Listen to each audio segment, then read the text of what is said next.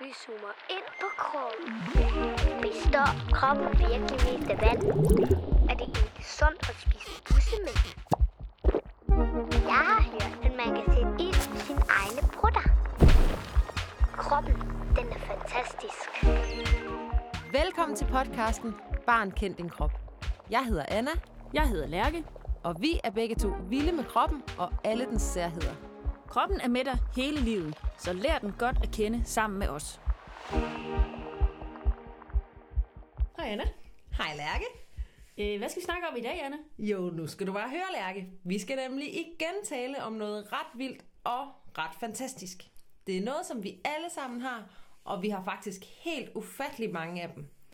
De ser meget forskellige ud, og de har forskellige opgaver, men på mange måder er de slet ikke så forskellige endda. Vi skal tale om det, som hedder celler. Uh, spændende. ja, det er ret spændende.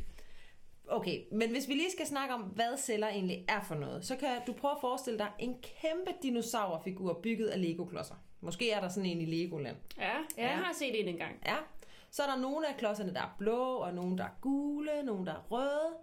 Og de ligner jo hinanden, fordi de har de der Lego-dubber, så de ligesom kan bygges oven på hinanden. Men samtidig så har de også forskellige farver, og forskellige form, og forskellige størrelse. Ja, Så hvis man skal bygge lige præcis den dinosaurfigur, så er det vigtigt, at man har alle de forskellige slags klodser. Ellers så kan man ikke bygge lige præcis den. Nå nej, fordi ellers så bliver det en anden en, man så bliver det jo en anden slags figur, ja, ja. ja. Og det kender man faktisk godt lidt, hvis man sidder og leger med Lego, og så mangler man lige præcis den figur, der skal til for at gøre den Lego-klods, der skal til for at gøre figuren færdig. ikke? Ja, det er rigtigt. Ja, det er rigtigt. det er Hvis, man mangler, hvis man mangler hjul til sin bil, for eksempel, så bliver det jo ikke til en bil. Nej, det, det, så bliver det bare til sådan lidt en slæde. Men de her Lego-klodser, det er altså cellerne. Det er altså lidt på en måde cellerne. Så din krop og min krop, de er også lavet af en masse forskellige byggeklodser. Lego-klodser mm. eller celler.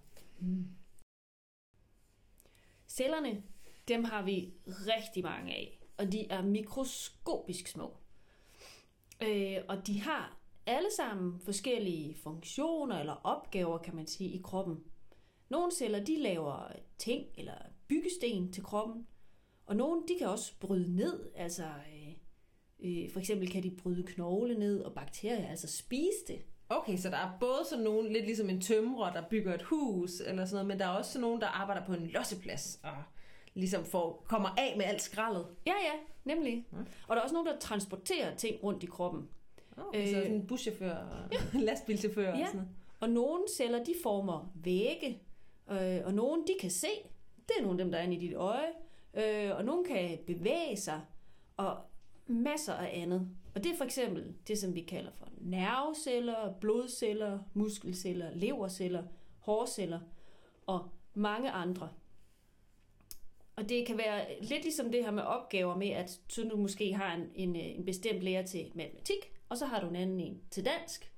Så altså, at nogen er gode til noget, og nogen er gode til noget andet. Okay, og hver celle er bare mega god til lige præcis det, som den skal. Ja, nemlig. Og ja. kan faktisk tit ikke så meget andet, end lige nøjagtigt det, den skal. Så okay. Lidt ligesom hvis de matematiklærer overhovedet ikke kunne lave dansk. Men der findes jo mange, for eksempel mange muskelceller og mange nerveceller og sådan noget, ikke? Ja, lige præcis.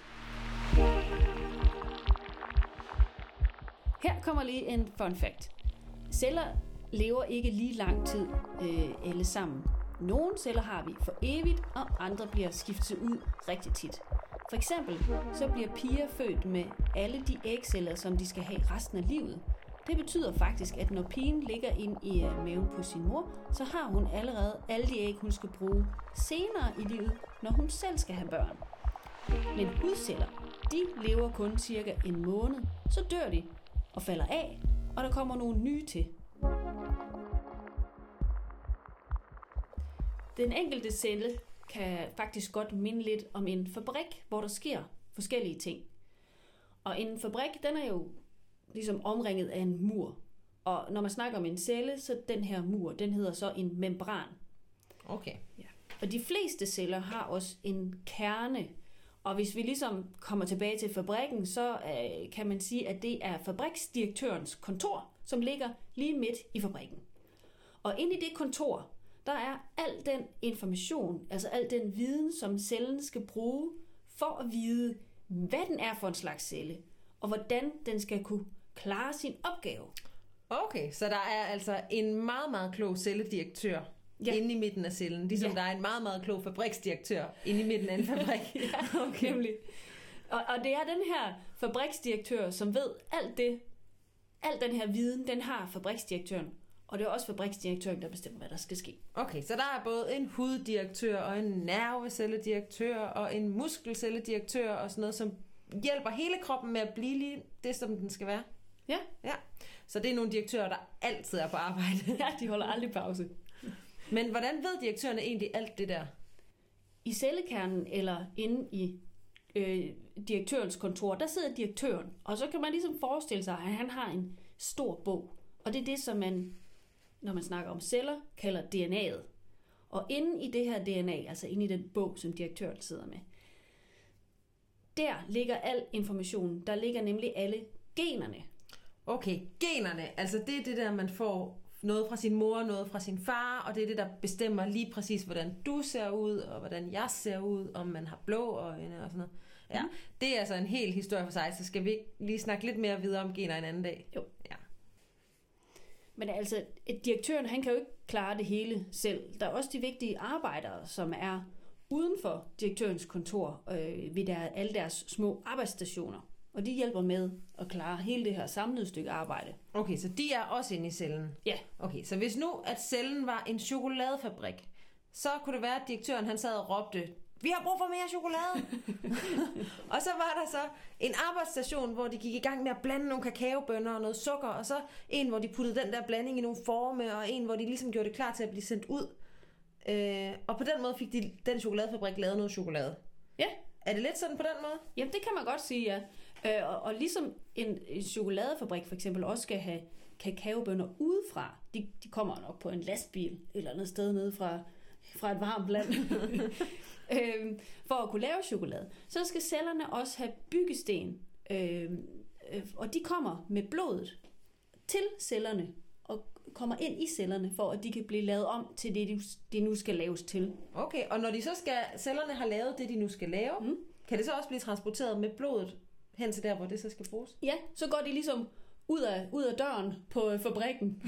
altså ud igennem. Og ud på motorvejen. ud igennem cellemembranen og ud på motorvejen nemlig. Og så er motorvejen jo så blodet, ikke? ja, Ja. okay. Her er der en fun fact.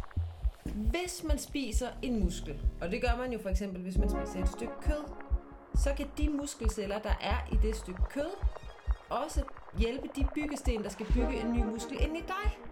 Så også selvom at det kød, du spiser, var fra en ko, og du er et menneske, så kan det faktisk godt bruges. Og så kan man jo faktisk godt sige, at man bliver, hvad man spiser. Okay, men Lærke, der er noget, jeg har tænkt på. Mm-hmm. Hvordan ser en celle egentlig ud? Ja, altså celler kan jo se meget forskellige ud. Nogle celler er meget lange. Øh, Det kan for eksempel være en øh, muskelcelle, som der er rigtig mange af i en enkelt muskel. Det kan også være en nervecelle, som kan være rigtig lang.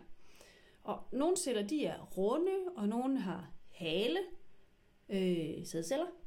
Og det var dem, vi snakkede om der i et barn bliver til, de der små svømmere, der ligner sådan lidt haletusser. Ja, Ja. nemlig. Og så er der nogen, der har små børster på, faktisk. Lidt ligesom en hårbørste. Okay, hvorfor har de det? Jamen, det skal jeg fortælle dig om i et andet afsnit. Uh, spændende. Og øh, nogle, de er fulde af fedt. Okay, så der er lige så mange forskellige celler, som der er forskellige mennesker. Ja. Ja.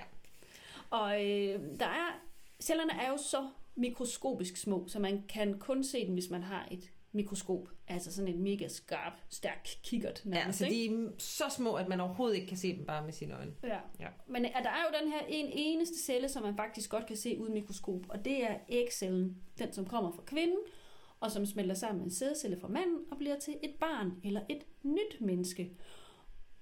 Og når man laver så et nyt menneske, så laver man altså en, en helt ny samling af mange, mange, mange og helt forskellige celler. Med nogle nye DNA-bøger indeni. Ja, Ah, det er så fedt. Her kommer lige en fun fact.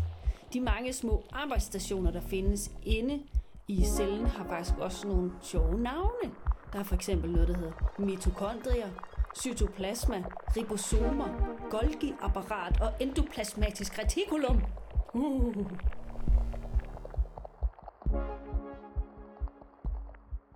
Okay, Anna, vi har snakket om, at der findes mange forskellige slags celler, og at de er overalt i kroppen. Øh, at man kan sammenligne cellen med en fabrik, der får noget udefra, som det laver om til noget øh, brugbart, som de så sender ud igen. Og at der er en direktør inde i hver celle med en DNA-bog, der styrer hver celle. Ja.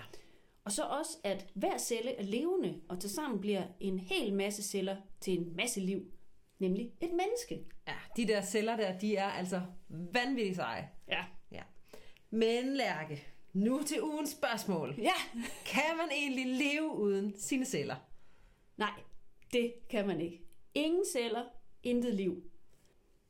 Men man kan godt tåle at miste nogle af sine celler. For eksempel hvis man mister noget hud, når man har et sår, eller hvis man nu mister en arm. Eller måske er så uheldig at miste et øje, for eksempel.